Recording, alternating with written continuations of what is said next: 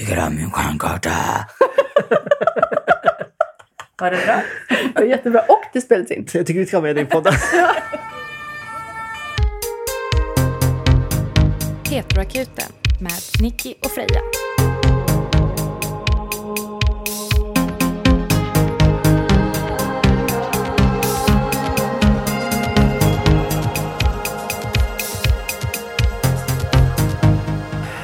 Vill vi säga hej till Fredrik. Hej. Hej. Hej. Hej. Jag har lärt mig vad du heter efternamn. Alltså, vad härligt. Stillerud. Also known as den manliga dolan Mm. på Instagram. Ja. Gud vad roligt att du är här. Vi är väldigt glada att ha dig med. Nu har ju vi redan pratat väldigt länge innan vi börjar spela in. Så det känns som att vi nästan vill fortsätta de konversationerna. Men vi tar lyssnarna i handen här och leder dem. Vad snällt. Eh, för Fredrik är ju inte vilken dude som helst. Utan han har en massa gemensamma vänner med oss tydligen.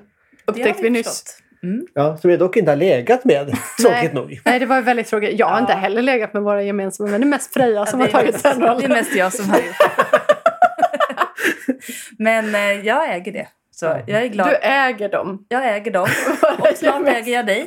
Du sitter Ja. ändå i min säng. Ja, precis. Ja. Så avståndet är inte långt. Nej. Allt kan hända. Kvällen är ung. Jag brukar inte ha något problem att bli ägd, så att det är helt okej för min del. Bra för dem som vet vad det innebär Ja. att förstå. Mm. Du får luta din arm på mitt ben, det är okej. Ja, mysigt. Ja, men då kör vi ännu mer intimt. Ja. Vi sitter ju i vanlig ordning sitter vi i Frejas säng. Mm. Myser till det i ett litet, litet hörn.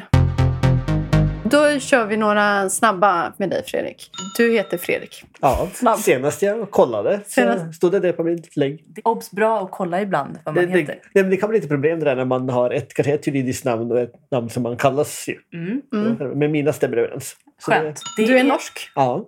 Hur gammal är du? Jag är född 87. Du är född 87, men då är ni lika gamla då. High five! High five! Du är vår första öppna transperson i podden. Mm. Det är ju lite skämmigt för oss nästan. Ja, men vi är väldigt glada att ha dig här. Ja, Tack. bättre sent än aldrig. Ja. Ja. Men det är inte i den rollen du är här främst, utan det är ju som dola. ja. Mm. Mm. Och det är lite spännande med tanke på att jag inte har haft några uppdrag. Är det så? Mm. Nej, men så det är ju komplicerat just för att eh, doula-yrket är ju det är inte så allmänt känt. Det är ju fortfarande en sån här- kan du inte beskriva det då? Nej, men alltså, en, traditionellt sett så är en doula en person, alltså en kvinna som stödjer ja, men andra kvinnor redan i graviditet, vid förlossning och post, postpartum och så tiden efter och så. Det är liksom det traditionella. Mm. Eh, och det är ju traditionellt så nu också. Eller så det är ju så, de flesta doulor är liksom kvinnor. Ja, men vi som är queers, vi vet ju om att de, alla som föder och bär barn eller blir föräldrar är inte bara kvinnor utan Mm. särskilt efter att steriliseringskravet för Exakt. att, att kunna genomgå en, en juridisk könsbyte eller ändra sin könstillhörighet juridiskt. Det togs, togs bort 2013 och då har man ju sett att fler och fler ja, men, transmän, transkillar väljer att bära och föda fram egna barn. Vi har ju hela gruppen icke-binära till exempel som alltid har burit och fött barn och såklart har ju även transmän gjort det men kanske innan en transition och sådär. Så att, och den gruppen finns det inte riktigt något stöd för. Sen är det klart att Nej. det finns ju många doler, alltså det finns en del doler som också inkluderar dem i sitt arbete. Liksom, så, men traditionellt sett så är det cis-kvinnor för cis-kvinnor. Mm. Jag tänkte bara om man bara ska ta kort för vad hände innan, eller tvångssteriliseringarna. Vi kanske bara kan ta en liten snabb recap hur det har sett ut i vårt samhälle. För oss som minns. Det är ju faktiskt, för mig känns det som att det var igår det togs bort. Men Det det, är var ju typ igår. Vadå, det är Det är ju nio sju, år sedan. jag tänkte säga sju år sedan, men det Ja, är nej. ju inte 2020. Nej. Nej, och det är ju det. alla baby queers liksom, kommer inte ihåg kanske. Nej men Sverige hade ju har ju haft en lagstiftning sedan 72. Så att Sverige var en av de första länderna vad jag vet om som hade en lagstiftning som reglerade alltså, juridisk köns, alltså byte eller ändring av Mm. juridisk, juridisk könstillhörighet. Och då var det till exempel att man skulle vara ogift, vara steriliserad eller kastrerad, inte ha möjlighet att föra generna vidare. Så Man att, tog ju bort eh, hela livmodern Ja, och äggstockarna. Så det är en riktig Ja. stympning av de inre organen. Precis, verkligen en, en hystoverektomi. Liksom. Mm. Och även på de personer födda med, med penisar så tog man ju var liksom, det skulle in, inga testiklar skulle finnas kvar. Och Man fick väl inte spara könsceller Nej, fick inte spara könsceller Inte, heller. det är sjukt. Man får Ja. donera sperma. Mm. Fast inte om man är transperson. Nej, det är sjukt faktiskt. Ja. Ja. Eh, Vi kan ju prata om det mer sen, men jag blev ju nekad att donera ägg till exempel. Alltså nu? Nej, det, det är många år sedan. Det var Ja. innan det här. Men jag Mm. blev ju nekad. För att då skulle de blivande barnen skulle bli förvirrade om de såg att deras genetiska, alltså mamma då, eller äggdonator var, var En pappa. en pappa. Åh gud vad jobbigt för dem. Ja, jätte, jättejobbigt. Nej, så att det var ju lite problematiskt det där. Och man insåg väl det här med att ja, Sverige har ju ganska oschysst historia vad gäller tvångssteriliseringar. Mm. Vi har ju gjort det ganska mycket med väldigt många olika grupper. Precis, för det känns som att man pratar så himla mycket om att man får inte glömma om när funktionsvarierade eller bara fattiga personer sattes på sinnessjukhus och kastrerades Mm. och eh, opererade bort bröst och tänder och allt. Ja, man blir i så princip en, eh, en, liksom, en organpåse för staten. Någon att ta organ av. Men, Men det, gjorde du det? Opererade du? Nej, bort- jag är fortfarande... Så skulle någon spruta in lite sperma i mig så skulle jag ju kunna bli gravid. Liksom. Mm. Testosteron är ju inget preventivmedel. Så att jag vet inte. Jag har ju bra äggreserver. Men jag skulle kunna bära om jag skulle vilja det. Liksom. Mm.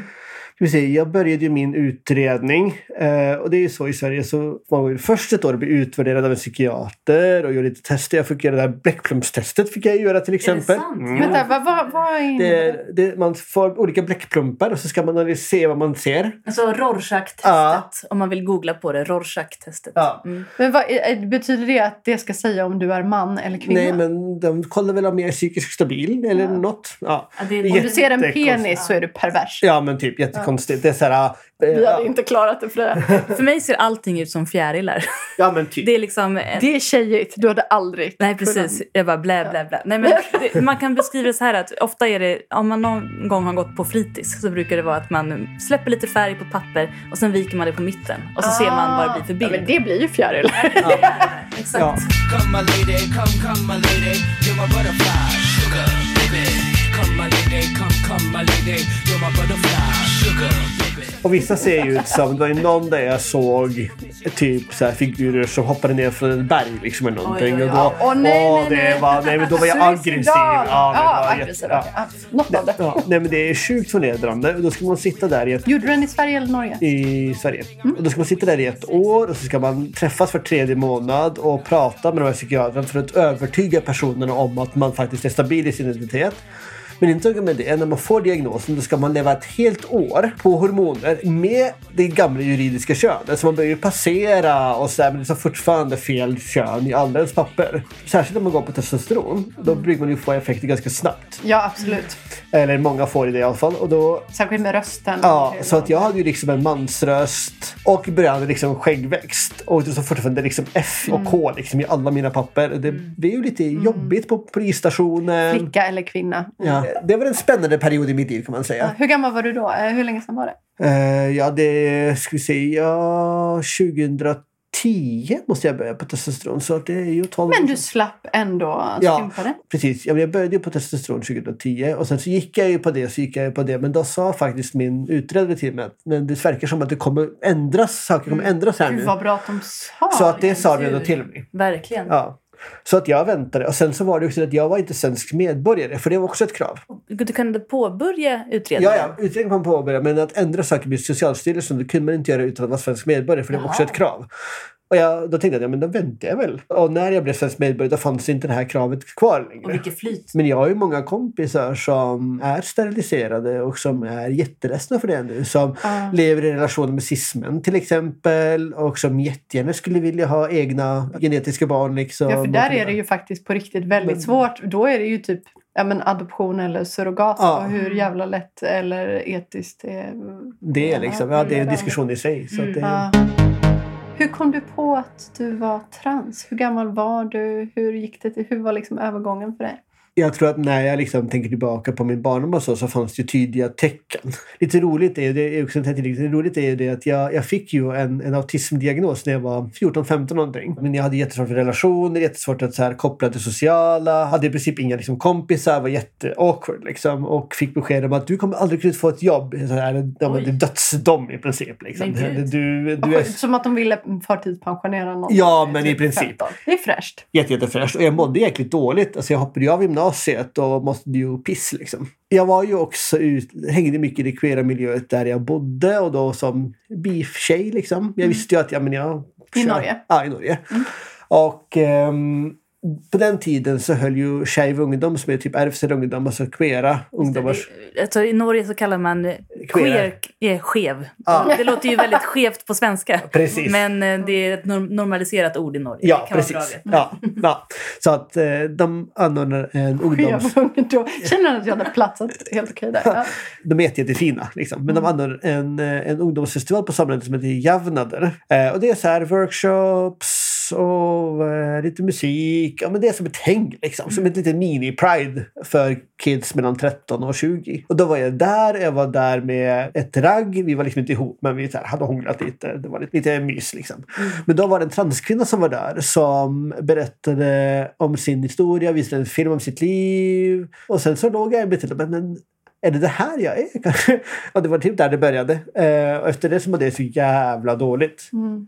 Alltså det var då jag slutade gå till skolan och det var inte kul. Vad var det som gick genom ditt huvud då? Nej, men ibland så har man ju, får man ju en insikt liksom, Ja. eh, om någonting och man kan inte släppa det. Så här, ja, det är som när man kommer på att man inte är straight. Liksom. Man vet att det är någonting men man vågar inte riktigt erkänna det för sig själv eller man erkänner det men man vill inte, kan inte säga det till någon, man vet inte hur man ska säga det. Nej, man vet inte vad det innebär. Man vet inte vad det Hur kommer innebär. det påverka mig igen? Ja, precis. Det höll jag ju på med i kanske tre, fyra år. Liksom. Mm. Men sa du det till någon? Eller var det Nej, bara nej. inom dig? Jag var ju bara inom mig. Och sen så Och då flyttade blir ju saker som bekant ännu värre. Ja, jag flyttade faktiskt. Jag hoppade av gymnasiet och flyttade till Kristiansand som är en by i södra Norge. 17 var jag faktiskt flyttade. Ungefär 50 mil hemifrån. Och började liksom experimentera lite. Så, ah, men kan jag ha på mig kallingar kanske? Kan jag klippa håret kortare? Kan jag testa ett maskulint könsuttryck? Kan jag testa att typ komma ut som icke-binär?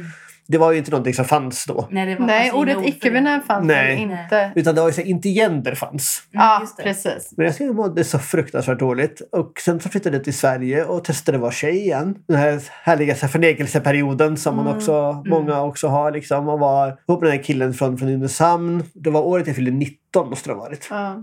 Och hans familj var ju väldigt så här, övre medelklass i Nynäshamn. Det är en liten hamnstad söder om Stockholm. Väldigt mycket seglar, människor. Som säger, övre medelklass och färjor till Gotland. Ja, väldigt mycket så. Och han var ju likadan. Så att jag är väldigt, det är nog första gången jag liksom verkligen har sminkat mig. gjorde jag liksom inte, för det har jag aldrig haft koll på. Men så här klänningar och försökt liksom vara så här fammig och försökt. Men det funkar. Sista rycket. Sista rycket liksom. Glödlampan lyser alltid starkast innan den slocknar. Ja. Eller hur? Eller hur? Men eh, det gick ju liksom inte. Jag tror faktiskt kraschen var när jag, jag kom ju ut med mina klasskompisar för jag gick på en kvinnoseparatistisk kurs på Jakobsbergs folkhögskola i Stockholm. Jätte, jättebra liksom. Men vi läste Skummanifestet. Oh. Och nu kan jag liksom läsa det och tycka att det är jäkligt bra. Men det var så fruktansvärt triggande för mig. Mm. Det var jätte, jättetriggande för mig. Skummanifestet vet väl de flesta vad det handlar Ja, det är om. så här Society for Cutting Up Men. Det var ja. Solanas. Det präglas ju av en person som har utsatts för väldigt mycket övergrepp. Självklart. självklart. Eh, är värd att läsa. Ska inte läsas om man tycker att liksom, våld är triggande eller, eller så. Men det, det är liksom... Men man får läsa det någonting- kontext. Ja, precis. Ja. I kontext. Alltså det är ett värt tids, tidsdokument. Liksom. Mm. Och nu har jag liksom inga issues alls med den skriften Nej. och förstår hur den kom till. Och så, men då var det jätte- jättetriggande. Och det gjorde ju att jag behövde liksom komma ut för min klasskompis och berätta att så här, hallå. Och då behövde jag ju berätta för min pojkvän också. Ja, vad sa han? Han kunde ju inte deala liksom. Han, han var ju super straight Mm. och tyckte att det här var trams. Liksom. Men var det att han inte ville förstå ens? Eller var Nej, han, att nej, utan när jag berättade då var det så här, han gjorde ju slut med mig direkt Ja. på, på Messenger typ när jag hade gud. kommit hem till skolan. Fanns det Messenger? Ja, det fanns Messenger. Först, första. Ja, det första. MSN Messenger. MSN. Ja, okej. Ja. Ja, MSN. vi måste Ja. förtydliga. Förlåt, MSN Messenger. Ja, det var inte ICQ. Var det inte. Nej, inte ICQ. Åh gud! det hade jag glömt. Ja, den här tiden när man liksom var så här. Ja. 13, 14 och låtsades att man var 18 och flörtade med folk från hela världen. Som var Mm, Men MSN alltså, det Ja. hade jag nästan glömt. Ja, det var starkt. Det var och alla så här, ah, men if you don't love me, you hate me. Och sen olika figurer. Ja, och alla MSN-namn, varje gång man bytte, Ja. hade alltid en eh, låttext. Ja. En låttext Ja, ja, ja. Ofta yes, någonting. Någon Wait, emo, they don't liksom. love you like I love you. Det Ja, var liksom bara... verkligen.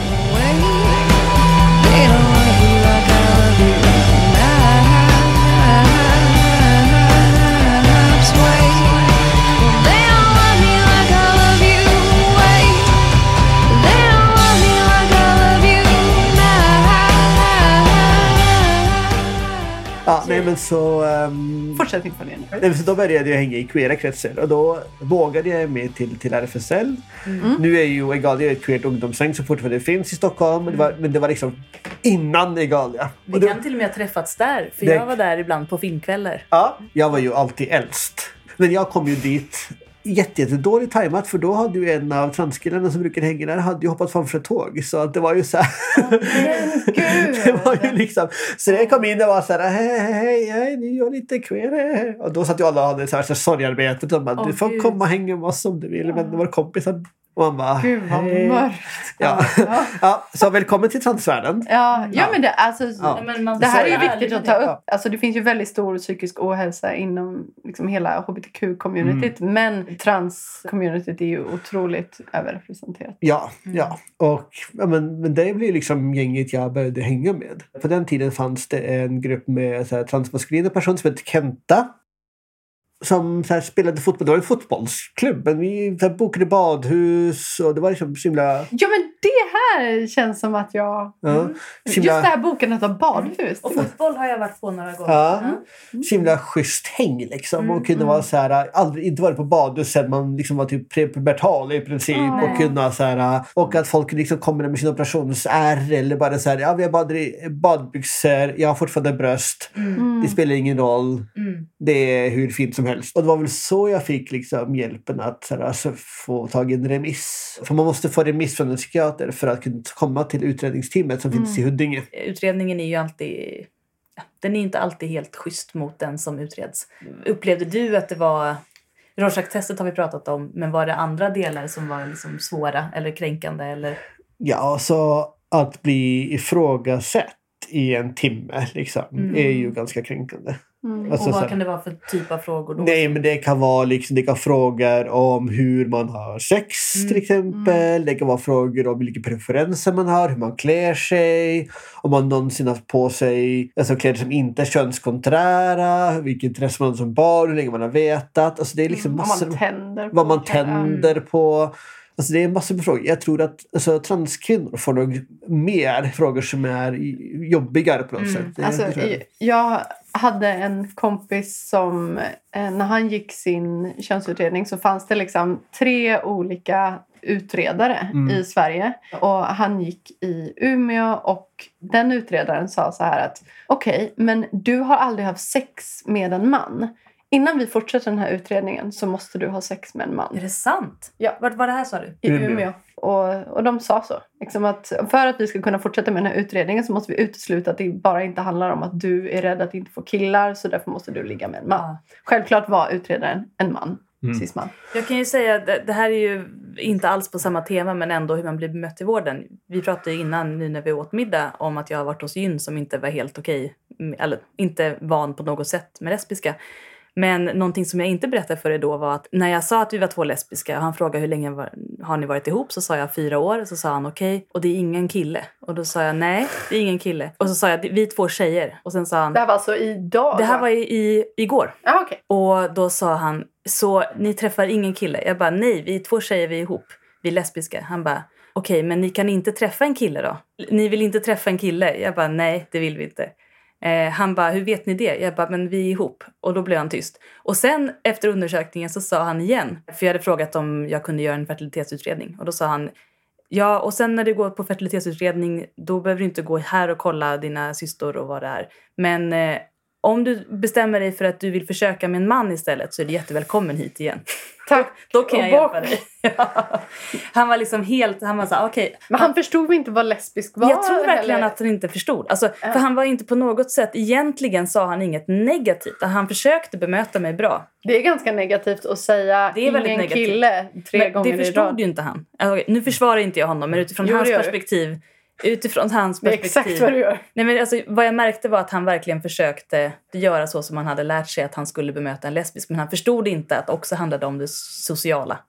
Och att Jag har det... aldrig hört att det är så man ska bemöta en lesbisk. Nej, men det, det jag menar var att han tittar på riktlinjerna. Hur ska jag liksom ge tips Mm. här? Men i alla fall, han hade nog aldrig träffat en lesbisk i sitt liv. Och han var väldigt nyfiken. Och jag svarade inte på några frågor. Mm. Så det var väldigt kränkande. Och det pågår igår. Det pågår igår. ja. Och jag kan tänka mig att, eh, eller jag vet, jag har vänner som har gått igenom eh, transutredning ganska nyligen och där jag varit med på besök för att jag har varit ett stöd. Och då har det ju varit ganska eh, konstiga frågor bara på första besöket. Och då har det inte ens varit en psykolog utan då har det varit liksom den första socialarbetaren som den träffar när den kommer dit som är jättekonstig i sina frågor. Så det är fascinerande hur dåligt folk blir bemötta. Det är fascinerande, det Mm. ordet faktiskt. Ja, nej, men jag rekommenderar alla om man känner att man Alltså har man psyke till det så begär ut journaler från könsutredningen. På, I min utredning så de blandade pronomen.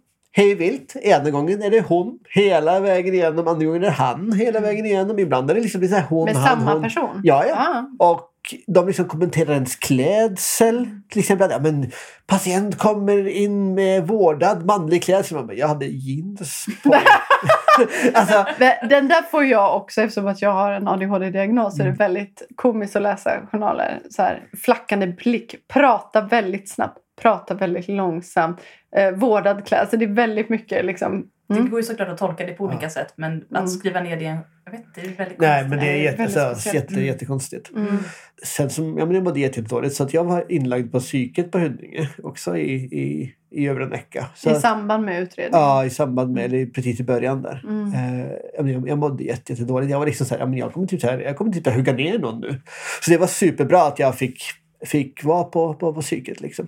Mm. Sen dess har inte jag, alltså jag har ju mått relativt bra efter det. Mm. Det finns ju verkligen folk som har det värre. Det menar jag inte att förneka min psykiska ohälsa på något sätt. Utan jag är ju ganska stabil i mig själv som grund. Mm. Och har ju varit det ganska länge. Och det gör nog att jag har kunnat hantera liksom, de jobbiga frågorna. Kanske kunnat hantera det på ett annat sätt än vad en del andra kanske har gjort. Ja, men jag tänker just när man är i ett övergångsskede från en, alltså när man känner att det här är någonting stort som håller på att hända nu. Det här kommer förändra mitt liv på alla plan. Och det dessutom är väldigt känsligt så är det ju inte konstigt att man får en kris. Nej, nej, nej. nej. Jag, vill säga, jag hade ju inte kommit ut från mina föräldrar än. Nej. När gjorde du det? Var det när du liksom var i processen? Eller? Ja, men, typ, nej, men jag tror att jag hade börjat min utredning innan jag kom ut från mina föräldrar. Det är fan smart. Jag skulle rekommendera andra att göra det också om man är rädd för det. För att liksom på något sätt ha någon annan slags uppbackning runt den. Att ja, men kolla här, det Mm. står faktiskt här. Jag har det här. Jag kom in med manlig vårdad klädsel. Precis. Ja, precis. Kolla här nu vad det står. Nej, men jag har ju en jätte, jättebra relation till min mamma. Vi är supernära. Och det, är, det är fruktansvärt jobbigt att det tar mig sju timmar att köra till henne. Faktiskt. Det är jätte, jättejobbigt. Och särskilt nu när jag liksom, under corona med mitt barn och så. Det tog ett år innan hon fick träffa sitt barnbarn. Liksom. Oj. Ja, men i alla fall. Så att jag åkte ju till henne ganska ofta när jag bodde i Stockholm. Då brukade jag flyga över. Så det var på julen kanske? Ja, det spelar ingen roll. Men det var någon gång jag hade varit länge där och så satt jag liksom hela natten i sängen och skrev ett brev. Liksom, och bara så här, den här länken är bra, den här länken är bra, den här länken är bra, den här länken är bra. Och sen så körde vi till flygplatsen och precis innan jag skulle gå till gaten så gav jag henne den. Du får inte Jag ska öppna att du skrev ner länken. Ja. HTTP. Ja men typ, ja, men tänk att det här var typ tio år sedan. Ja, men det är så gulligt att tänka. Så gav jag henne det här brevet liksom, innan gaten. Du får inte öppna det innan jag har gått. Så här, du får inte öppna det. Så gick jag och det var så här stressat. Måste ju ha trott att du var döende Ja, eller något. ja men typ. Ja. Nej, så att jag satte ju min, satte ju min mobil på, på, eh, på flight mode eller ljudlös eller vad det var för någonting. Och Och gick på var mest- flyget och så var det liksom en timme hem och så skulle man hämta bagage. Och så att man, det var ju sån stress liksom. Ja. Och sen åkte jag till det här Kenta-gänget och sen så ringde hon mig och så pratade vi och hon var ju så här, ja men självklart, jag trodde ju att du skulle berätta att du inte ville ha kontakt med mig. Att jag hade varit, Ja. liksom, hon var ju skiträdd för att hon hade förlorat ett barn. Liksom. Ja. Åh, gud vad hemskt. Så att hon För hade, er båda. Gud. Ja. Ja. Nej, men hon, hon har ju varit accepterande från dag ett och bytt ju liksom namn och pronomen direkt. Det var ingen konstighet. Min syrra också Mm. Direkt. Liksom. Ja. Så att hon är fantastisk. Men hon Har du någon ju... relation till din pappa? Nej, eller ja, ja alltså, han är ju min pappa. Vi säger god jul, god jul till varandra. Ja, så. ja, det är fint. Men, men, men det är väldigt, väldigt sporadiskt. Men min pappa är ju också missbrukare. Okej. Alltså jag har ju ett jätte, jättestort problem med medberoende under stor del av min uppväxt. Så att jag har alltid känt ett ansvar för honom. Och har liksom be- behövt gå till liksom terapigrupper för eh, anhöriga som är medberoende. För att jag har inte kunnat hantera det. Mm. Utan jag har ju alltid känt att så här, oj nu kör han utan körkort. Så kan jag rädda honom på något sätt. Men jag kan inte det. Och Nej. han är 60 år. Han, han kommer ju att dö av alkoholskador. Liksom. Mm. Eller av att han kraschar för att han kör. Men Jag kan inte göra någonting åt det. Det måste jag liksom Nej. acceptera. Så att, men han har också helt accepterat. Han var inte heller några konstigheter. Nej. Så att jag har inte liksom stött på några problem alls från någon runt omkring. Eller, eller så. Jag tror att det handlar om att jag är ganska stereotyp i min manlighet på, på en del sätt. Att jag, jag, måste säga, jag är inte ett hot på det sättet att jag liksom lite flyter i min könsidentitet. Mm. Nej. Jag är Du har här- en proper manlig Ja, men- klädsel. Ja, men, manlig klädsel. precis, precis. Och att jag, typ, jag är okej med att dejta kvinnor. Det är ju betydligt jobbigare för de transkillar som är bögar till exempel. Mm. Mm. Ja. De möter ju mycket, mycket mer hat både från vården och, och så i alla fall av de jag har hört. Att de får höra mycket så här, men varför var det, kunde det bara vara, ki- vara kvinna Ja, ja, men, istället? det, men det där är ju väldigt vanlig grej inom cis eh, heterovärlden är ju att man blandar ihop könsidentitet och sexuell Läggning. läggning. Ja. Det där vet jag att jag liksom har förklarat för min pappa. Så där, men, men om han är trans men gillar killar, kan han liksom inte bara vara hetero? Varför måste han byta kön? Att, som att allting man gör är för den man vill ligga med. Ja. ja, det borde pratas mer om. Vi slår hål på det här Ja, vi slår hål på det. Men jag vet också att många som lyssnar nu kanske inte ens förstår vad vi menar, tyvärr. Men det är därför vi förklarar det Ja, nu. men tänk på det tre gånger till. Ni Mm. som tycker att det är svårt att fatta konceptet. Tre gånger till. Tre gånger till minst. Nej, men för jag vet att det fanns en period, när, alltså nu var jag väldigt ung då, men när jag inte heller kunde skilja på det. För att det var i samhället så uppbyggt kring att vara på ett visst sätt och då gilla en viss sak. Vi säger ju inte det här nu för att klanka ner på andra personer Nej. utan det är ju bara att det, även om man själv som cis-person inte kan förstå hur det känns att vara transperson du- behöver inte förstå. Du behöver bara acceptera. Men det är ju också, jag tänker till exempel att när man är ute i skolor och pratar med, med, med kids liksom, så brukar man ju skilja mellan sexuell attraktion, fysisk attraktion, att vara kär och praktik. Liksom. Mm. Och de sakerna behöver ju inte hänga ihop. Jag tänker till exempel på alla så här straighta cis-män som tycker det är lite härligt att suga kuk ibland. Mm. Ja, men så här, det gör ju inte personen till bög. Det är så här, ja, men du har, ja, men så här, ibland har du en homosexuell praktik eller homosexuella preferenser för att ja, men du tycker det är jävligt härligt att suga kuk. Ja, men, Det är Men lite kanske förbjudet. blir Ja. kär i tjejer. Ja, men det man blir kär i tjejer och ens praktik är att man blir ihop med tjejer, vill vara med tjejer. Men lite kuksugande ibland är lite härligt. Vi som har stött på rådjurslesbiska Mm. ibland kan träffa folk som tänker att de är bisexuella för att de gillar att ligga med tjejer någon gång då och då fastän de bara blir kära i killar. Att det, man, man behöver Ja. faktiskt inte... Det kan Nej. vara lite av Ja. båda utan Ja. att det behöver definieras på ett visst sätt. Precis. Precis. Och att det också kan ändras under livet. Ja, att självklart, sexualitet självklart. och praktik och vad Mm. man tycker om kan ändras över livet. Mm. Det, är därför, det är därför det blir så problem- problematiskt när man pratar om så här late bloomers till exempel. Att så här, ah, kolla här, du är 60 och kom på att du tycker om att slicka fitta. Ja, Men, Mm. Ja, eller så kom du på det nu för att det är preferens du har nu för att du hittade en jäkligt snygg person med fitta. Ja. Alltså, så här, Ja, men, Och ja, just så har du inte träffat på den. Precis. Nej.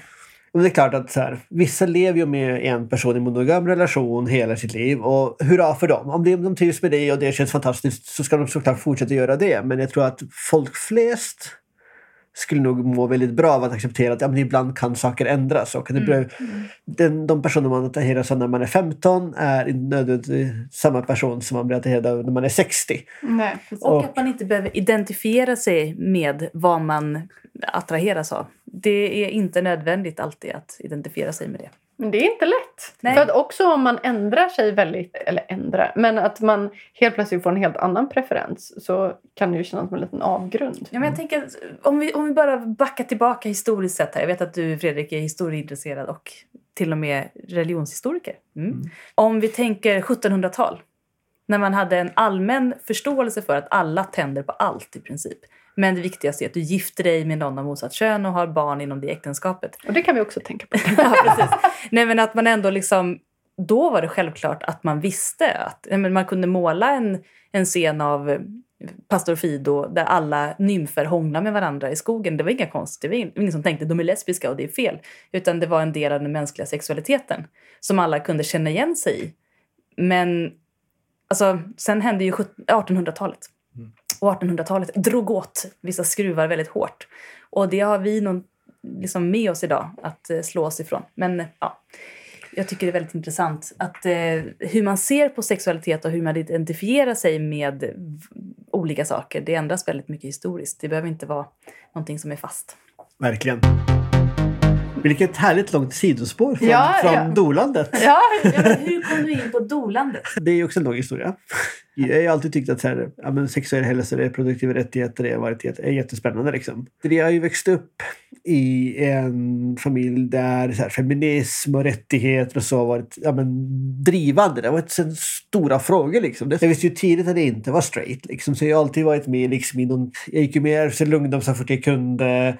Jag har ju varit skolinformatör, varit ute i skolor för både RFSU och RFSL. Och liksom, jag tyckte de här frågorna var intressanta alltid. Och när jag fortfarande liksom levde och tyckte själv på något sätt att jag var tjej så då var jag så här superkommunist. Liksom. Så jag var organiserad i, eh, i ett socialistiskt ungdomsförbund och höll ju liksom i så här, eh, tjejgrupper eller var med i tjejgrupper och tjejcirklar. Och så. mycket liksom så här, aborträtt, alla de här typiska liksom, feministiska frågorna. Så de frågorna har alltid funnits med mig.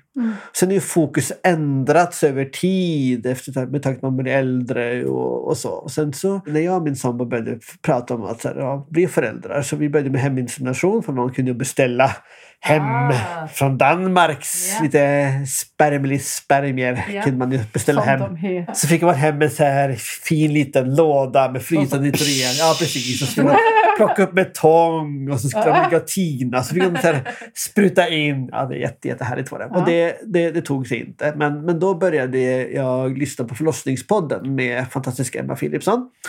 Och då fick jag reda på vad det här med doula var för någonting. Och jag började så fråga det lite så här i så här frågelådor. Ja, men skulle jag kunna bli, kan en transkille bli liksom doula? Är det? Och hon var ju så här, ja men kör på, kör hårt. Så här, men jag kände, nej. Och när vi blev gravida, eller min sambo blev gravid, så, så anlitade vi igen. Blev ni gravida via... Nej, nej inte via, inte via heminsemination, utan vi åkte till, åkte till Danmark. Mm. Men insemination, inte IVF? Nej, inte Nej. insemination. Vi åkte till Danmark och då visade det sig att det var ju liksom, hon hade ju jätte, jättebra äggreserver. Så vi hade bara så här, alltså vi hade ju koll på ägglossningen. Vi hade säkert missat någon dag eller någonting hade, hade vi missat. Mm. Jag har förstått att det är att matcha också. Det finns Ja. vissa, att om du beställer en viss, eller har en viss typ av spermier, Ja. att den donatorn inte matchar. Mm, kroppen inte Ja. allt. Vilket är ju helt stört. Det här pratas ju inte om i heterokretsar, men Nej. så är det. Ja. Men det är, också, Varsågoda. det är också tydligen något som jag, jag hörde någon gång. Att det här, genetiskt liksom. Att det är så det är därför som när man så här, ska para ihop sig med den man ska para sig med. Då ska man gå efter doftsinnet. Mm. För att det är feromonerna som liksom matchar. Alltså det Och det är är, ju det som jag tycker är så himla svårt, för att jag tycker ju alla män luktar illa. ja, Du kanske inte bara hittat rätt man. precis. Nej men det har ju väldigt mycket med blodgrupp att göra också. Ja, det är superspännande. Det är väldigt intressant. Det är en egen vetenskap. Vi åkte dit. Det var ju så här fem turer till Danmark på två veckor. Jäkla jobbigt. Oj. Men det tog sig på första försöket. Så att vi hade Åh, ju tur. grattis. Ja, Mm. så vi hade ju Ja, det är ju väldigt tur. Det hade ju Mm. kunnat vara att ni gjorde... 15 gånger liksom, Ja. eller, eller mer. Så att vi, det tog sig på första försöket. Och då anlitade vi en doula. Jag valde, jag var så här, jag vill ha en doula. Mm. Jag vill inte göra det här själv. så träffade vi henne och så anlitade vi henne. Typ. Så jag läste ju på. Jag är ju lite så att om jag först hittar ett ämne som intresserar mig så läser jag allt om det. Mm. Har du fortfarande din autismdiagnos? Nej, Nej, det har nej det har jag inte. Det är ju lite spännande också. För att, Jag tänkte bara på... Nej, men alla, alla de symptom som var grunden för min diagnos, Mm. eh, de försvann ju så fort jag började på testosteron. Så fort jag började passera som kille så försvann Mm. de. Helt sidofritt Mm. mig. Jag måste bara säga det att jag tycker att jag ser att det är väldigt många transpersoner som har eller har haft en Ja, autismdiagnos. ja. Och det är en diskussion. Det ses vi jättegärna får plocka upp spåret ja, för sen. sen. Okej, nu fortsätter vi. Men hon kom ju hem till oss då, första gången kanske vecka 30 någonting. Och då hade vi så här förlossningsförberedande samtal. Så då pratade vi om smärtlindring och vi pratade om hur jag som partner kan vara ett bra stöd. Vi pratade om egna förväntningar. Och bara så här, liksom pratade ut. Han visade lite metoder och Mm. lite så här. Och sen så träffade vi henne en gång till vecka 35, 36 någonting sånt. Och då gick vi igenom igen. Och då hade ju corona precis kommit. Det här var ju början på mars 2020. Mm. Eh, och jag är ju, nu är jag inte så snorig idag, men jag är ju kroniskt snorig. Jag har jättekänsliga slemhinnor så att min Mm. näsa rinner ju konstant. Och jag är, jag är ju allergisk mot allt som har med pollen att göra. Så det var, finns ju ingen, fanns ju ingen Lite chans. allergisk mot Freja kanske också. Hon Nej, inte sättet. jätte. Tror jag. Ja, ja. Ja, Vi var liksom, aha, men kommer jag kunna komma in på ett sjukhus överhuvudtaget? Så vi planerade hemförlossning. Mm. Så vi bokade en hembarnmorska och det hjälpte ju vår doula med. Det är ju ändå en ganska smart grej just i det här med coronaläget. Det är ju jätte, jättepraktiskt. Det är det ekonomisk fråga. det är det ju, Absolut, tyvärr. absolut. Jag ska ju inte sticka under stolen med att jag är ju medelklass liksom, med Mm. min akademiska utbildning och, och så. Så att vi hade ju råd att ha både doula och en barnmorska. Liksom. Men ehm, det stannade upp hemma. Så vi fick flytta till sjukhuset. Då fick jag vara, jag var själv där med henne. För då fick ju bara en person följa med. Ja. Så vi fick ju liksom inte det förlossningsstödet av dolan som vi hade kanske känt att vi behövde. Och det var en väldigt jobbig förlossning på många sätt. Liksom. Men dels så fick vi inte jättemycket stöd av personalen. De skällde ju ut oss när vi kom för att vi hade börjat hemma. Nej, men, Va? Ehm, ja. Fan vad oskönt. Ja, och så blev folk åka tre timmar med bil i Norrland. ja men, Och- och sen så fick min sambo en ganska stor blödning. Eh, hon blödde ju liksom över två liter. Och betyder- jävlar, det är ju fan, alltså man har ju fem liter. Ja, så att hon Mm. var ju liksom, hon fick ju eh, skynda sig till operation så att jag fick ju vara där ensam på rummet med nyfödd liten. Åh, vad liksom. dramatiskt. Ja. Usch vad Nej, så det var ganska, det var ganska, Ja. ganska jobbigt. Så. Ehm, men så, den kom ju och kollade till mig så småningom. Liksom, och så här. Mm. Men jag var ändå själv med, med honom på rummet i, i tre, fyra timmar. Liksom. Visste Oj. inte Hur någonting gick- om hur det nej. gick för henne. Eller så. Åh fy vad hemskt. Mm. Jag hade ju velat vara ett bättre stöd för min sambo. Vissa saker visste jag ju. Jag var aldrig rädd när någonting, saker hände. Eller sådär. Men jag hade ju velat vara ett bättre stöd för henne. Eh, Så det var liksom ena tanken. Och sen var andra tanken det att jag, jag vet ju om vänner och bekanta som har burit barn som inte är cis-kvinnor och som har blivit så jävligt dåligt bemötta. Mm. Inte bara liksom på själva förlossningen men på barnmorskemottagningarna, på fertilitetsutredningar av sina endokrinologer, alltså hormonläkare, som har fått så jäkla mycket skit. Liksom. Och också det att vi fortfarande i Sverige har liksom så lesbiska par som får frågor om så här, men vem är pappan i relationen? Eller så här, vem är den riktiga mamman? Eller så här, vad ska barnet kalla dig då? Vi fortfarande i sådana situationer. Så att det var väl lite det som triggade att jag, ska nog kanske testa att utbilda mig till doula ändå. Jag, vet, jag tänker när det kommer till solande så känns det ju som att minoriteter som ja, men, självstående eller folk i samkönade relationer så känns det som att det verkligen skulle kunna finnas ett behov av det just också för att inte vara ensam i att behöva bemöta alla jävla dumma frågor som kan komma Mm. då och då. Eller bara, inte dumma frågor, men saker man bara inte orkar svara på igen och igen. Jo men så är det ju. Och vi håller ju på att starta upp ett queert doula-nätverk. Det kommer en hemsida med doulor som själva har erfarenhet av att vara queer eller som lever queert. Men som riktar sig till liksom queera personer. Det är på gång att byggas upp och sådär. Jättebra. Men sen så är det ju många som viftar lite härligt med prideflaggan på Pride och säger att de accepterar hbtq-personer men då menar de ju lesbiska par. Mm. Och det märks ju när man pratar med en del att det är så här, ja men vad är regnbågsfamiljer för dig?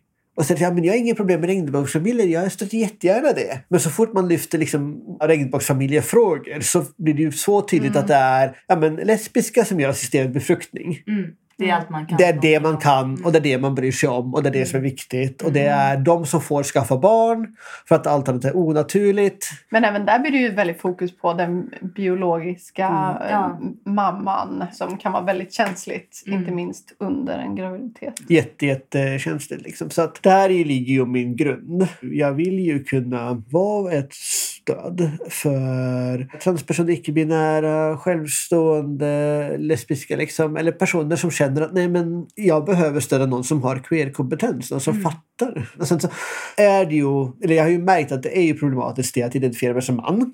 Just för att det här är ju en sfär som är väldigt kvinnligt kodad. Det är lite konstigt för majoriteten av som föder är ju ändå cis-kvinnor. Så, så ser ju verkligheten ut. Eh, Heterosexuella. heterosexuella cis-kvinnor är många. Liksom så. Mm. Alltså jag skulle inte säga att jag möter motstånd. Det skulle jag inte säga direkt. För folk tycker ju att det jag gör är bra. Men jag hade kanske inte tänkt mig att folk ändå skulle bli så provocerad av det jag gör. Intressant att de blir provocerade. Om man tänker på läkarvården så är det ju ändå väldigt mansdominerat med läkare. En, Och gynekologer. och gynekologer också. Och då tänker jag att en doula, alltså som professionell inom det området, man är ju van vid manliga professionella i vården. Så det hade ju inte behövt vara så långt ifrån. Nej. Jag tror också att det finns, alltså det finns ju fler manliga doler. Det finns ju en snubbe till i Stockholm som heter Fredrik också. Perfekt. Ja, ja, det är Ni kan väl dola ihop? sån jäkla otur. jag känner ju inte honom särskilt väl. Vi har mejlat lite. Men jag har fått intrycket att vi har lite olika inställning till en del saker. Eh, Och det får man ju såklart ha. Men jag tror inte han får typ hat. Jag tror inte han får liksom, DMs eller mejl. Är det för att du är transperson? Jag då? tror att det är för att Ja. jag lyfter trans och queer-frågan så mycket. Jag tror att det är där skon liksom klämmer. Sen så har jag ju fått här, någon kommentar på liksom, någon, gravidapp där jag skrev om någon profylaxkurs som jag höll i. Och då var det någon som skrev det så här Men fan vill ha en man i dola? Du skriver hela tiden överallt. Så, här, så jävla creepy. Typ. Och man bara, Okej. Men ja, läs inte det Läs då. inte det då. Ja men typ. Ja, men det känns som att så här, Ja, men, Ja. det här, du behöver inte läsa. Ser du mitt namn, låt bli att läsa. Ja, men om du blir triggad, jag blir triggad av dina så här, uh, gå ner i dina gravidkilon-trådar. Så att, Ja, uh, fuck you right back kände Ja, jag. lite. ja. Så här, inte från kvinnor, från män däremot. Men, Män det är, är ju det. Män är ju det lättkränkta folket. Ja. Är ju det. ja. Det vet vi ju via Henrik Wahlström också. När han skrev uh, någonting om nyårsraketer nu. ja. Vad var det? Det här har inte jag... Eh, ja, jo, när man handlar upp den här. Borde jag köpa fyrverkerier inför nyårsafton? Nackdelar? Svindyrt. Alltid en besvikelse. Skrämslag på djur och människor. Spyr ut tungmetaller och plaster i naturen. Skitfarliga när de hanteras fel av barn och män. Enormt skräpregn över områden vi i vanliga fall tycker att det är orimligt att slänga ett enda pappersskräp på marken. Fördelar? Pang, pang, titta färg slut. Och alltså, det lutar ju åt ett ja, säger den här personen. Och det, all, det enda han... Han fick så sjukt mycket mejl och Ja. kommentarer av män som bara Vadå män och barn? Bevisa det! Vadå kvinnor då? Eller kvinnor? Åh, du vill bara ha fitta, det är det enda du vill ha.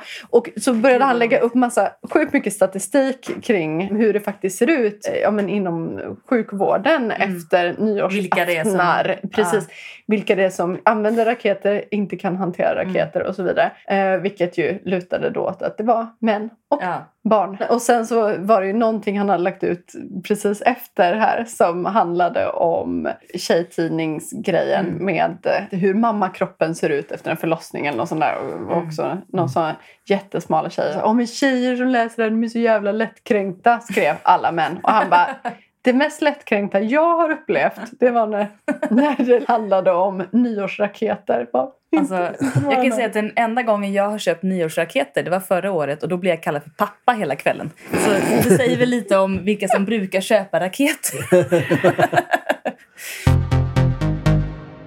Men det var något jag skulle fråga. Jo, när ni planerade att bli gravida, hade ni någon tanke på att du skulle bära barnet? Eller var det självklart att hon skulle göra det? Alltså det är ju lite komplicerat. För att, så här, äh, jag har ju inte riktigt en komplicerad relation till min kropp riktigt. Det har jag ju inte. Men jag har aldrig fått höra under hela liksom, min utredning så att så här, det finns ingen forskning på det här. Du är troligen steril.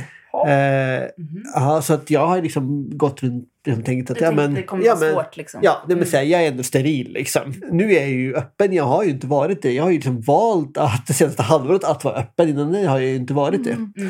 Eh, och det har ju gjort att jag har ju liksom behövt prata om och prata med på ett annat sätt än vad jag gjort tidigare. Är det skönt eller är det Det, svårt? det är konstigt. Ja, jag förstår det. Det är Vilket konstigt du- för jag är inte öppen för mina kollegor till exempel. Nej. Jag vet inte om man kan säga så här, men ide- identifierar du mest som transman eller som man? Det beror på vilket sammanhang jag är i. Mm.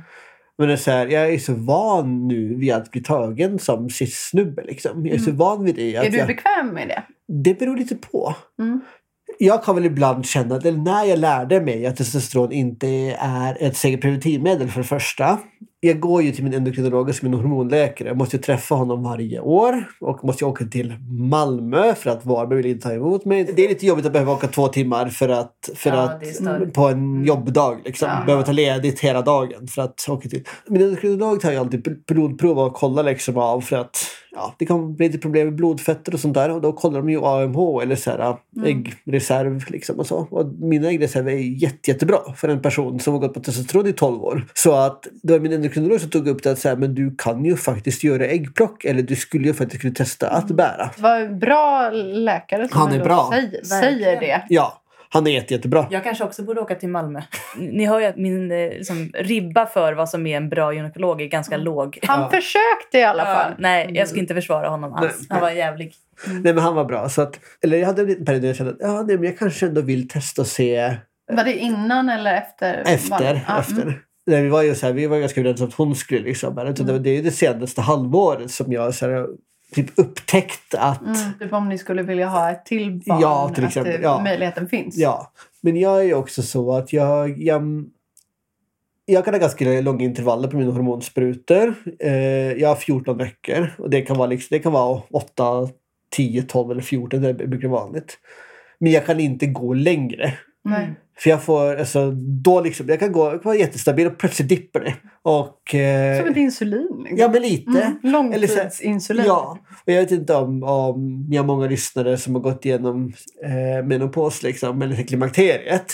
Men det är lite samma känsla. Plötsligt så är man stabil i sitt humör och sen plötsligt så blir man så jättedeprimerad och ingen ork och fattar inte vad som händer. Nej. Och så blir jag också om jag går för länge utan. Mm. Och för att jag skulle kunna göra antingen äggplock eller en insemination så skulle jag så skulle jag behöva hoppa av testosteron och vara av tills jag får tillbaka min menstruation. Och det Ja, kan, ja, jag har varit sex månader utan under en period och då kom inte min mens tillbaka alls. Och det var liksom i början redan så att jag skulle behöva vara utan testosteron när jag har den över ett år. Mm. Sen ska man då liksom inseminera eller försöka med det och så är det hormonstimulering. Ja, och det är en lång process. Ja. det, det krävs ganska Ja. mycket. Mm. Så att jag ser ju framför mig att skulle jag testa det så skulle jag behöva vara minst tre år utan.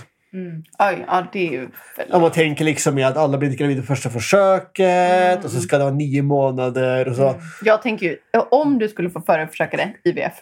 Ja, så det är ju lite, det är lite komplicerat sådär. Jag har ju en hat-kärlek-relation till min fitta. Liksom. Alltså jag tycker väldigt mycket om den. Den är praktisk på olika sätt. Den, den kommer bra. Den är härlig att använda till sex och så. Men, men det är ju det här liksom en penetration som aldrig liksom har funkat för mig. Det gör ju också att ah, men om det inte funkar med penetration, hur ska jag då kunna göra vaginala ultraljud? Jag har ju aldrig, aldrig någonsin gjort ett cellprov för att jag klarar, Ah. inte, jag klarar liksom inte av det. Men du har varit hos gynekolog? Och... Jag har varit till gynekolog Mm. och de har försökt men alltså, de får knappt liksom in- inte in Ah. i spekulum. Liksom, Mm. för att jag, Oj, men vad beror det på? Är, det att Jag du, jag är du så tajt? jag är så jävla tajt! Är du tajtare än vad jag Så är? jävla tajt! Oskuld alltså. Ja, Ja, men, du är oskuld på riktigt. Ja. Men det här tycker, där pratade vi lite om sist också. Att, eh, alltså dels det här att penetration, det kommer inte funka för alla. Oavsett. Alltså det är inte, Hur hetero du än är, det är inte alla som gillar det eller kan det. Men eh, det är viktigt att prata om för det finns en så himla stark norm runt att det bara ska gå lätt. Liksom. men det roliga är att säga, jag vill ju. Mm. Ja, men, och det tyckte jag var lite kul när ni pratade om när ni flörtade med skytten förra avsnittet. För, att det här, för att det här att det blir så här tryckt mot en vägg, Ja. att bli upphånglad, det är ju verkligen min grej. Jag älskar ju det, jag tycker att det är skithett. Liksom. Mm. Och jag skulle ju verkligen vara i en situation där jag kunde bli påsatt till exempel. Och, Tur att du har fler hål. eller hur? Det är så jäkla härligt. Nej, men alltså, saying. Aha, eller hur? Nej, men hade jag kunnat, eller hade jag vetat att så här, äh, tryck på den här knappen och säg imorgon kan du ha penetrerande vaginalsex liksom, och du tycker att det är skönt. men Då skulle jag ju lätt ha. För jag har ju liksom haft sex där jag har blivit penetrerad och har tyckt det har varit nice. Liksom. Men det har ju varit situationer, till exempel i BDSM-situationer där det har varit en del av att någon har liksom, ja, men en lek, någon, har, någon har toppat mig eller varit dominant till exempel. och så. Men skulle någon komma så här med en strap-on och bara nu, nu så här, kom och rid mig. Det skulle liksom Men det inte finns funka. ju väldigt små strap-on. Jo, men det det har inte med storlek att göra. Nej, det har inte har inte det. med storlek att göra. Utan jag Blir du inte våt? Jo. Okej. Alltså, jag har liksom klarat av ja, men, tre fingrar har jag klarat av utan, utan problem. Liksom. Men ingen, inget... eh, Nej, alltså det, jag vet Ja. inte vad som är grejen. Men det är någonting som... Men det är som- inte skönt för alla. Ja, men det har inte med det är skönt heller. Det är bara att det, det, Ta stopp. det tar stopp. Ja. Liksom. Men det har jag varit med om. Ibland så bara vara en vägg. Liksom. Mm. En gång vet jag att det fanns ett hål här, men Sesam öppnar sig inte. Nej. Nej. Och det är ju ganska vanligt. Ja. Nej, men så kan det så kan det vara. Liksom. Ja. Och det gör ju... Och då känns det lite svårt för dig att tänka att du skulle kunna föda ut ett barn där. Nej, föda, föda ut är inte en större Du problem. har ingen val, det måste ut. Ja, Ja. det måste ut. Ja. Man kan ju skära upp magen också. Nej, men jag tänker mer på att så här, dels att göra äggplock. Mm. Ja, det är många processer. Det är många processer som in, innebär att föra upp saker i slidan. Liksom. Mm. Ja, verkligen. Och Äggledarspolning. ja, till exempel alla vaginala ultraljud. Mm. Jag bad ju om en hysterektomi för jag kände att så här, jag behöver ju inte de här organen ändå. Och då ville de ju göra ett vaginalt ultraljud på mig men de fick ju liksom inte in sonden. Det, fun- Mm. det gick liksom inte att göra Så de fick ju göra ultraljud på mina äggstockar analt istället. Ja, det gick Wow! Mm, det Ja, går. bra. Det går. Det är väldigt bra att veta. Ja, Mm. det går. Det är Ringmuskeln kan. ringmuskeln kan. Gud vad, vad frigörande och glad jag blev av att höra. Alltså, vad, vad, vad bra att det går. Jag tror att det är väldigt många som eh, till exempel undviker att gå till gynekolog just för att man vet att nej, men det är svårt för mig vaginalt. Men det finns fler sätt. Ja, men man kan ju inte göra cellprov analt. Nej, det är... Det blir så. Men du fick alltså in ett ultraljud i Rumpi? Ja, alltså inte hela, inte hela den här pinnen. Liksom. Nej, men jag- Det var Nej, nej. Wo- Wow! Ja. Jag tycker den är jätteliten. Eller förlåt, nu är jag så size, size queen. Jag bara, det är väl inget. Det kommer Linda. Ja. Är du så som kör, du kör typ så The Great American Challenge Ja, ja. i rumpi liksom? Ja, ja, ja. Nej, jag menar mer vaginalt då. Aha. Nu känns Nej det men, nej, men, i, här. ja, nej men i Rumpi där, där hade jag inte fått in ett ultraljud. Nej. Det, det tror jag inte. Det hade i alla fall inte känts eh, glatt. Dubbel bemärkelse glatt. Ja. Men med tanke på att jag har ju, jag har ju dejtat väldigt många cis-snubbar liksom. Och straighta cis-snubbar. Och är det så, att så här, kan de inte knulla mig i fitti då får de ju knulla mig någon annanstans. För det måste ju penetreras. Ja, Själv- det, det måste Det är ju- ja, absolut. Ja, man måste ju, ja, så här, äh, Munnen? Inget fel på munnen. Nej, inget fel på munnen heller. Jag, det ju- jag har ju ingen kräkreflex. Så Ja. att det, Det är bara förspel. ja, det beror ju på hur mycket kräkreflex man har. Ja, det är klart. Ja. Nej, förlåt. Nu är det fördomar. Ja. Men... Eh, ja, men du sa ju att jag inte var pryd. ja, det. Älskar detta! Älskar detta. Nej, men jag, jag hade ju en grej där jag fick se folks fingrar till krogarna liksom, i halsen. Så här, Wow! Den gången jag var poly och gick på så här polyhäng och så. Är du mono nu? Jag mådde nu. Mm. Det, är- det är jag nu. Nu är jag ingen slampa längre. Nej, men, men det är ändå härligt att ha haft ett slampförflutet. Väldigt härligt. Om man Jag, hittar din dagbok då? jag skrev ingen dagbok. Aj, vad Nej, synd! börja. Men det finns bilder Skriv på... dina memoarer! Det hade varit en nationalskatt. Ja, det finns... Men det finns, det finns ju bilder av mig där jag har eh, en gasmask och eh, risgrynsgröt bara på mig. Vad sa du? Vänta, vänta nu missade jag något. Jag förstår precis. Fastklibbad på kroppen då? Ja, men alltså, jag och en kollektivkombo fick en sån grej. Ja men så här, vi testar det. Varför Vi inte? var så här, bruna bönor eller risgrynsgröt. Vi Ja, då hade jag valt risgrynsgröt. Ja. Ja. 50-50 kan Ja, jag men, känna. jag hade, men jag hade jävligt snygga bröst. Hade jag. ändå. Ah. Alltså det där kan jag känna. Eh, alltså no transphobic. Jag som älskar bröst Mm. kan känna att det finns så många bröst Som har gått förlorade. förlorade. Det borde finnas en Åh. mausoleum med Ja. den där Arvana. Ja. Nej, men Jag, jag frågade ju en kompis till mig när den gjorde mastektomi.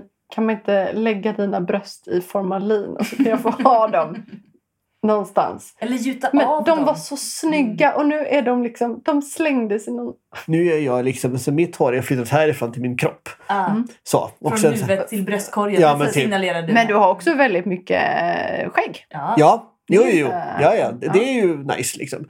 Men jag tror att alltså, hade jag orkat ha på mig binder Mm. och inte hade haft hår på bröstkorgen, liksom Mm. magen. Så, så mina bröst var ju ändå snygga. De var lagom stora, lagom perky, Mm.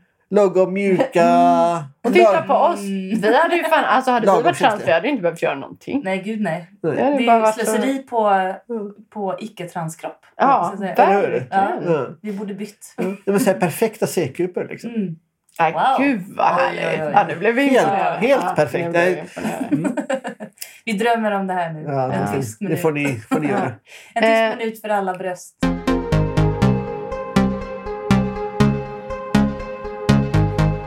Första delen av avsnitt 57 av Heteroakuten med den manliga dolan Fredrik Stillerud som gäst. Nästa del släpps om en vecka, den 24 i första och då kommer vi att ta upp era frågor till Fredrik och mycket annat. Missa inte det. Vi ses då!